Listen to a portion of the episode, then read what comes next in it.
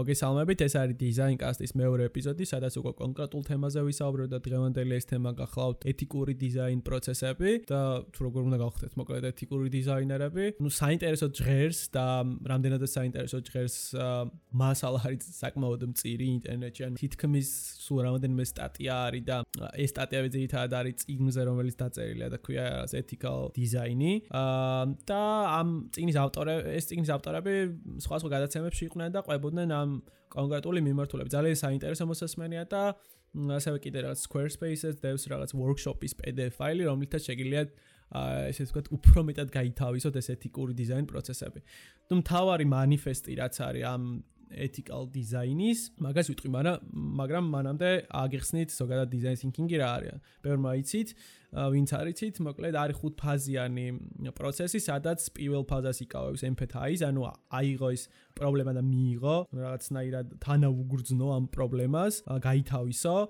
მეორე არის უკვე define, ანუ გამოყო ამ ზოგადი პრობლემისგან და უფრო კონკრეტულ ჭრილში ახსნა რატო არის ეს პრობლემა. მესამე არის რომ იდეა მოიფიქრო ამის ირგვლივ, ანუ დაასოლუშენო მოკლედ ეს პრობლემა. მეოთხე პროტოტიპი აწყო და მეხუთე უკვე გატესტო რა. ამ ყველაფერს თუ დაიცავ წესით, კარგი პროდუქტი უნდა გამოგივიდეს, ანუ დიზაინის კარგად დაგეგმე უკვე და კარგი ექსპერიენსი უნდა გქონდეს, მაგრამ თუ ამ რაღაც 5 პუნქტიანს დაამატებს 3 პუნქტიან კიდე რაღაც manifest 80% ეთიკური დიზაინი დიზაინის პროცესები წესით და რიგით უნდა გამოვიდეს რა. ხა რა არის ეს სამი ეს ვთქვათ manifestis ნაწილი? human experience ეს ყველაზე ბოლო ბოლოს დგას, human effort-ი და პირველად არის არის human rights. პირველ რიგში ალბათ ახლა გაგახსენდება ძალიან ბევრი პლატფორმა, სადაც ეს human right-ები ძალიან არ არის ხოლმე დაცული და ეს data დატაზე არის მოკლედ ერთი ჭიდილი, რომ ვიღაცა ანუ ილიკება რა დატები რა, ანუ ხან ერთი პლატფორმიდან გადის ეს data თქვენი პირადი ხან მეორე პლატფორმიდან ჩემიდანაც მომეტანო ჩემი პირადი ინფორმაციაც რაც არაეთიკურს ხდის ზოგად დიზაინს კი არა ზოგადად მაგ პროცესს რა დაგეგმულ პროცესს და პირველ რიგში ეს უნდა გაითვალისწინო მოკლედ ანუ ინფრასტრუქტურულად რომ data და ანუ privacy არის ძალიან privacy არის ძალიან მნიშვნელოვანი რაღაცა და security-ით მით უმეტეს. ამის შემდეგ ანუ ეს გადის უკვე human rights-ში. ამის შემდეგ არის human effort-ი ანუ ამ ყველაფრის გამოსაყენებლად რაღაც სუპერ ძალები არ უნდა დაგჭერდეს და მარტივად უნდა მიიღო ეგ რომ იყენებდე ამ პლატფორმას თუ არა პლატფორმას. და ბოლოში არის აკეთო human experience-ი ანუ ეს human experience-ი იყოს საინტერესო მოსახმარე შენთვის გასაგები რა თქმა უნდა. და ამ ყველაფრით იღებდე ანუ მაქსიმალურ გამოცდილებას ანუ ამითი რეალურად მართლა ეთიკური დიზაინ პროცესი გამოდის. ამის მაგალითი ძალიან იშვიათია ინტერნეტში თვითონ ავტორების თქმით ამბობენ რომ უფრო მეტად არის არაეთიკური დიზაინი პლატფორმებზე ვიდრე ეთიკურია. ამის მაგალითებსაც გაჩვენებთ მოკლედ ძალიან ბევრს მოგიყვებით უფრო სწორად და მოდი რომ დავაპარალელოთ ზოგადად აი TEDx-ის რომ საუბრობდი რა ნუ პარალელურად შემიძლია რაღაც დავაკავშირო მეთქი. ერთ-ერთი სპიკერი საუბრობდა ethical design-ზე 2011 წლის ლაივია სხვათა შორის TEDx-ის. სადაც ამბობს რომ ძალიან ადრეო ალბათ აი სოციალური პლატფორმები სადაც სანამ მოვიდოდა ჩვენამდეო მანამდეო დიდ დროს ვატარებდით მეგობრებთან ერთადო რა ანუ ერთობოდითო რა. როცა აი სოციალური პლატფორმები შემოვიდა აწიეთო ხელიო რამდენმა თქვენგანმაო ანუ რამდენი თქვენგან იყენებსო რა სოციალურ პლატფორმებსა და აწიეს ძალიან ბევრმა რა თქმა უნდა. და კითხვა დაისვა ეგეთი რომ ეხა უფრო ხშირად ატარებ დროს თუ მანამდეო და რა თქმა უნდა ანუ ფაქტი ის იყო რომ რეალურად დრო აღარჩებოდა ამ სოციალურ ცხოვრების გამო სხვა რამეების გაკეთების რა ანუ მეგობრებთან ერთად გართობის თუნდაც და ეს კითხვა დატოვა ისე რომ ანუ ბოლოს შემერე თუ გინდა თუ იმჯერლოთო რა ანუ ცალკე ვილაპარაკოთო ვისაც კითხვები გექნებათო და ახსნა რა რამოდენო პლატფორმა მაგრამ მე გადაუხვევ მაგ თემით ანუ საინტერესო წაიყვანა ეს ყველაფერი ჩემ ჩემს ნაზრებს ვიტყვი მოკლედ. და ანუ ეს Facebook-ი და Twitter-იც თუ რაღაც ესეთ პლატფორმები სოციალური ქსელის პლატფორმები იყენებენ რაღაც gambling methods რომ რომელშიც ანუ აზარტში შეყავხართ მოკლედ ამ სოციალურ პლატფორმებს. თავიანთი customer experience-ით თუ რავი human experience-ით. მიჯაჭულები ხართ რომ რაღაც თქვენ თქვენი ინდივიდუალური მორალის პრინციპები გაქვთ რომლის მიხედვითაც ეს public სითობა ანუ პუბლიკურობა საინტერესო ხდება თქვენთვის რა ანუ უფრო მეტად ყურადღებას აქცევთ რატომღაც და ანუ მეც ფონდა და ყველა ჩვენგანი რა. აი ეს იწევს რაღაცნაირად დემონიზებას ამ საკის რო აი რატომ უნდა ვიქცეთ რაღაცნაირად რა ზომბება და სოციალურ ქსელებში. ამ ყველაფერში მთავარ როლის შემსრულებელი ზუსტად გახლავთ პროგრამულ უზრუნველყოფის გარდა იდეაში პროგრამულ უზრუნველყოფაში გადის ეს დიზაინ პროცესები. ამ ამ ყველაფერს ანუ ამ პროდუქტის დიზაინერი ანუ როგორ გვაწუდის ეს დიზაინერი ამ ყველაფერს და უკვე გადავიდეთ ამ დაუბრუნდით ამ ეთიკალ დიზაინ პრინციპებს რო ანუ კავშირი გავალო და ზუსტად დაინახოთ რა პოინტი მაქვს. ეს ავტორები ამ ეთიკალ დიზაინ ფრეიმვორკის ამბობენ რომ აი მაგალითად მაგალითებს მოგიყვებითო თუ როგორი არის არაეთიკური დიზაინ პროცესებია ძალიან ბევრ საიტზე შესულხართ e-commerce-ზე მით უმეტეს და გეუბნებათ რომ აი ბოლო აითემი ან ბოლო რაღაცა ნივთი იყიდება საიტზე და 6 წუთი დარჩა სწრაფად იყიდე თორე გათავდება რა. აი ძალიან ბევრი ეგეთი ვებსაიტი ან ძირითადად სპამად აღვიქოთ ხოლმე მაგას მაგრამ ბევრ ვებსაიტზეც მინახავს ისეთზე authorized რო არის რა. და ამ დროს რეალურად ამადა კიდე რაღაც რამოდენიმე მაგალითად მივაბამ ამ ყველაფერს ამ დროს ხდება მომხარებლის დაძაბვა რა ანუ ხელოვნურად დიზაინერ ან დიზაინერი იყენებს ისეთ პატერნს, რომ თქვენ დაგძაბოთ და არა თვითონ რა გამოცდილებითაც უნდა რომ გააკეთოს რაღაცა, ანუ არ გააკეთოს პირიქით თქვენ თქვენი დაძაბვიდან გამომდინარე, გამომდინარე მიიყვანოთ იმ გადაწყვეტილებამდე, რომ რაღაცა იყიდოს ან თუნდაც არ იყიდოს, დაიძაბოს რა მოკლედ რა. ასევე ბევრ საიტზე გვინახავს, რომ რაღაც პოპ-აპი გამოვარდება ხოლმე იქრევე და აი აქცია გვაქვს და გადმოწერა ეს და მიიღე ეს რა. ეგეც თუნდაც ასევე Amazon-ს აქვს ხოლმე ძალიან საინტერესო პრაქტიკა, რომ აი Prime-ის memberships რო ანუ გინდა რომ დააკენსელო, ტიპი გეხვეწება რომ ანუ არა, ნამდვილად გსურს რომ დააკენსელო, ანუ ნამდვილად გინდა რომ ესე გააკეთო და ანუ ძალიან 3 თუ 2 პროცესით გიგრძელებს მაგ ამბავს რომ აი რაღაცნაირად იმაშება struggles გაძლევს რომ აი გძაბავს რომ ნამდვილად გინდა. ანუ ეგეთი უცხოეთში მით უმეტეს უფრო ბევრია ეს მაგალითები რომ ანუ დიზაინ პატერნები არ გამოყენებული ამ ბიზნეს ამოცანის ეს ვთქვათ stakeholder-ი რასაც იტყვის იმის მიხედვით რომ აი რაღაც დააკონვერტიროს თუნდაც ფულში ან თუნდაც რაღაცაში რა რომ ეს დიზაინ პატერნები რაღაცნაირად ესე დევს და აი უეჭველი უნდა გააკეთოს იუზერმა ან თუ არ გააკეთებს დაძაბოს რა. და ეს არის არაეთიკურობის მაგალითი Facebook-ის და სოციალურ ქსელების მაგალითზე რა დაუბრუნდეთ იმ წინას პირს არის ის რომ თუნდაც დატა რომელიც რეალურად Facebook-ს ვაწვდით არის ძალიან ძალიან ძალიან დიდი. ანუ ჩვენზე თითქმის Facebook-მა და სხვა პლატფორმებმა იცის ყველაფერი რა. შესაბამისად ამ დატას რო არ ეპყრობიან ნორმალურად და გეუნებიან ან გიმალავენ თუნდაც ინტერფეისში საჩელება მიაღწიონ დატას და როგორ შეიძლება გადმოწერო. ან ანუ ყველასის ხელმისაწვდომი არ იყოს. არიან იუზერები რომლები რომლისთვის ხელმისაწვდომია მაგრამ ბევრშიც არ არის სიტყვაზე. ანუ ვერ ხვდებიან როგორ შეიძლება მან შევიდნენ და გადმოწერა ანუ Facebook-ს არ ადარდებს მოკლედ ეს დატა და ეს GDPR რაღაცა უფრო მეტად ვიდრე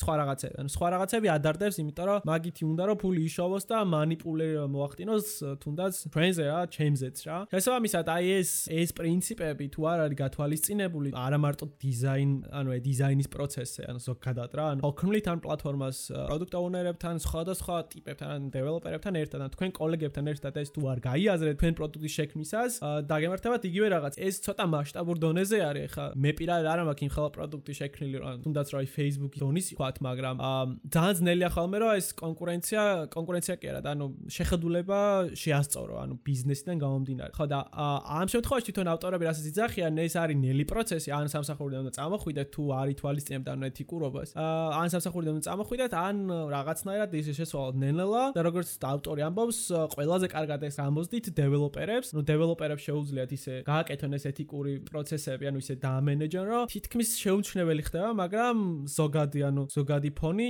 კარგი ჩანს რა, ანუ კარგად აკეთებენ ამ ეთიკურ ნაწილს.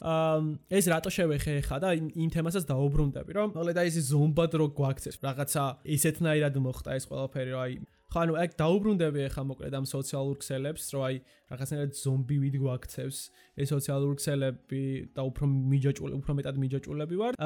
ეს იმის გამო რომ აი მაგ ყველაფერს აღარ იცავენ რა. ანუ პირიქით თვითონ ამ წიგნის ავტორი ამბობს რაღაც evil დამოკიდებულება აქვს ამ ისე ჩანს ყოველ შემთხვევაში რომ ამ ბიზნესის მართველებს ისე დამოკიდებულება აქვს რომ გამოგძალონ ან რაღაცა დაგამონონ ან რაღაც ისე გაგზნობინონ თავი რომ თვითონ გაკონტროლებენ. სიამდვილეში აა ანუ დიზაინის ფაზაშიც და ანუ სხვა ფაზებშიც. რეალურად ეს წესი რო იყოს დაცული, უფრო მეტად კომფორტული და უფრო მეტად საინტერესო გამოცდილება შეიძლება შეიქმნას ინტერნეტში, ვიდრე ეხლა გვაქვს რაღაც სოციალურ ქსელებში. თვითონ ის ავტორი ასაც ამბობს, ერთ კონკრეტულ სერვისი მოყავს, რომ რაღაც ვებსაიტი არსებობს, სადაცო წერო შენს ესე თქვათ მიღწევა, რაც გინდა, ანუ რისი მიღწევა გინდაო, მაგალითად ფიტნესები არისო და გინდა რომ მიაღწეო დაიკლო რაღაც 10 კილო ან თუნდაც რავი კუნთები გაიმაგრო და ამ კონკრეტულიდან გამომდინარე გაწვდის მხოლოდ კონკრეტულ ნიდებს, ანუ კონკრეტულ დამოკიდებულებას გაწვდის, ანუ მეტად არ გაწუხებს, ანუ მეტად არ გითხრევსო რა. ხო და ეგ გარიო ძალიან კარგი მაგალითია მეთიკურობისო, რომ იმით იკმაყოფილდებიო შენო, იციო რა, ანუ თან იმ პლატფორმას აქვსო ეს კონკრეტული რაღაცები კარგად დამუშავებულია, რომ ანუ ამის გარდა მოკლედ არ გაწუხებსო, თან არ გრძნობო დაცულადო თავსო, რომ აი ესა და всё აღარ შემაწუხებს ამ ყველაფერსეო და სხვა სოციალურ ქსელებზეო კიდე 1000 სხვა რამე არისო და რაც უფრო ისა დრო გადისო, მით უფრო ანუ ვიღაც დიზაინერის ან თუნდაც პროდუქტ ოუნერის ან თუნდაც Facebook-ზე რა, ვიღაცის მორალის ქვეშ ხვდებით ჩვენო რა. და ეს არ არისო ძალიან კარგიო, რაც უფრო დრო გავაო, მით უფრო ძნელად გამოვალთ მაგ ყველაფრიდან. ხო, ანუ მართლა ეგრე არის ნამდვილად, რაზე შეიძლება ვისაუბროთ, რომ რაღაცა ფიჩერი ლამაზად და კარგად და კარგი ექსპერიენსი თუ არის გაკეთებული, აა მართლა შეიძლება ისეთი იყოს, რომ აი ვერ ხვდებოდეთ, აი Instagram, Instagram-ს რამდენად ხშირად ვიყენებთ ან თუნდაც სხვა social ქსელებს, იმის გამო რომ კარგი ფიჩერი აქვს, ან კარგად არის დიზაინერულად თუ მოფიქრებული თუ აწყობილი რა, მშვენიერი, იდეალურია, მაგრამ იქ ისეთი ელემენტები არ უნდა იყოს გამოყენებული, რომელიც ეს ვთქვათ, ანუ მიჯაჭულობას, აზარტს გამოიწევს რაღაც. ანუ ძნელია ხო რაღაც საუბარი მაგ მიმართულებით, რომ რატო არ შეიძლება ეს ყველაფერი, მაგრამ ფაქტია, რომ მავნებლობის იმაში გადადის უკვე რა, ეგ პროცესები, რომ ამითი აზარალებ იუზერს და დები მეტად მენტალურად დამოკიდებული რაღაცაზე, ვიდრე რეალურად ხარ, ანუ ეს პირველ კანონს არღვევს, ანუ human rights რა და ჩათვალე ანუ დიზაინერი კრიმინალი ხარ რაღაცნაირად, ანუ აა შენი მენტალური თუ მორალური იმიდან გამომდინარე, გამოსილებიდან გამომდინარე, ამონებს სხვას რა ამ სერვისები. ხო, ანუ რაღაც საინტერესო ხო ჟღერს, რომ რანაირად შეიძლება ყველაფერი მოხდეს, მაგრამ ნუ ფაქტია, ანუ აი ეს ესე ხდება რა. ხო და ეს ეთიკური დიზაინი მომოვლის იმად უფრო განიხილება რომ უფრო აი როგორც GDPR შემოიტანეს ანუ ევროპაში და ამერიკული ბევრი კომპანია ითვალისწინებს ამ GDPR-ს აა იმიტომ რომ მათ უღირთ რომ აი დახარჯონ ერთიანი ფული ამ ინფრასტრუქტურაში რომ ეხა ამერიკაში სხვა წესებია, აქ სხვა წესებია, მაგრამ ჯობია რომ GDPR-ზე იყოს მორგებული ჯამში და ამერიკასაც მოერგება რამენაირად. ანუ ესეთნაირად არ გადაწყობილი რომ ანუ ეს data და privacy არის ძალიან მნიშვნელოვანი რა. ანუ ზუსტად აქედან გამომდინარე რომ ეს შეიქმნეს GDPR-ი, ზუსტად ესეთი პატერნები იქნება ამ ethical design-ით, რომ აი რა არ უნდა გააკეთო, ანუ რაღაცნაირი best best პრაქტიკების ნაზავია, რომელშიც ეს სამი სამი კომპონენტი ძირითადი manifest-ი, რაც ესე თქვა თამაშობს აუცილებლად თქვა გავითვალისწინო საქართველოში არის რამოდენიმე მაგალითი რაღაც საიტები სადაც რაღაცებს კტენიან რომ აი უეჭველი ესე და იქ დიზაინერებს გაკეთებული ალბათ მეც გამიკეთებია ეგეთი რამე და თავის ძროზე არ მიმჯელია რომ როგორ შეიძლება მართლა მე ვიყო ვიღაც სხვის ანუ სხვას манипулиრებდა სხვისით რა. ხო და აქ მარტო დიზაინის ბრალი არ არის არის თლიანი პროცესი ან თლიან ბიზნესის პროცესის ამბავი როგორ უნდა მოაგვარო ისე რომ გაწვდეს მართლა იმ ერთ სერვისს რაც რეალურად ჭირდება და არ იყო მიჯაჭული ამ სერვისზე და იყო კმაყოფილი რა. პირველი ეპიზოდისთვის გონი სრულიად საკმარისია თან 15 წუთიანი იმაში ჩდები და ძალიან ლაკონურად კი მოყვები ეს ამაზე ბევრი მსჯელობა შეიძლება და უკვე სხვადასხვა ადამიანებთან ერთად შეიძლება გაშალო და უფრო მეტი აზრი გამოიტანო აქედან და უფრო დანერგო ყოველდღიურობაში ნელ-ნელა. ნუ ფაქტი არის რომ ისეთი არ არის სტრიქტ არ არის რა აი ყოველდღე უეჭველი ეგრე გამოიყენა მაგრამ აი მენტალურად როგორ გამყოფებს რომ ვიღაცას ამონებ აი ეგ ეგ ფაზა არის ზუსტად თუ ეს კონკრეტული ტოპიკი მოგეწონათ და ამბობთ რომ აი კი გური საინტერესოა და შეიძლება ამაზე ლაპარაკი აა მე მივესალმები და აუცილებლად უფრო მეც გავიაზრებ და უფრო მეც მოვძებნი იდეაში ამ მიმართულებით რომ რაღაცნაირად გავშალოთ ეს თემა აა ვიდრე ეხლა რას 15 წუთში მოვყევი ეს დიდი ამბავი. ბევრად დიდი ინტერვიუები აქვს ხოლმე ამ ვინც რეალურად ეს ფრეიმვორკი დაწერა მაგათან, მაგრამ აა მე მესმის თქვენი ესე ვთქვათ აი ყოველდღიური ეს რუტინის გამო 5-20 წუთი ხო რაღაც საღამოს მოусმენთ, მაგრამ აა 15 წუთი მგონი საწყისად შვენიერია და ესე ვთქვათ, ეს არის ethical design პროცესები, რომელიც აა შეიძლება გავითვალისწინოთ ჯერჯერობით რაღაც ნაწილი მაინც და სამომავლოდ იგეგმება რომ უფრო მეტად იყოს ამის მოცემულობა რომ აუცილებლად უნდა გავითვალისწინოთ ვიდრე ახლა ამ წამს. მადლობა რომ გვისმენდით და თუ ეს რაღაც პოდკასტი ეპიზოდი მით უმეტეს საინტერესოა აა გამოგვეხმაურე სოციალურ ქსელებში დაწერე შენი აზრი ამ მიმართულებით და მეცდებით რომ შემდეგი ეპიზოდები უფრო მეტად გავრცობილი და ანუ ეს კი რაღაც ექსპერიმენტული იყო მე მეორე ეპიზოდი. აა მესამე მეოთხე ეპიზოდი უფრო რაღაცნაირად გავშალოთ უფრო საინტერესოდ. მადლობა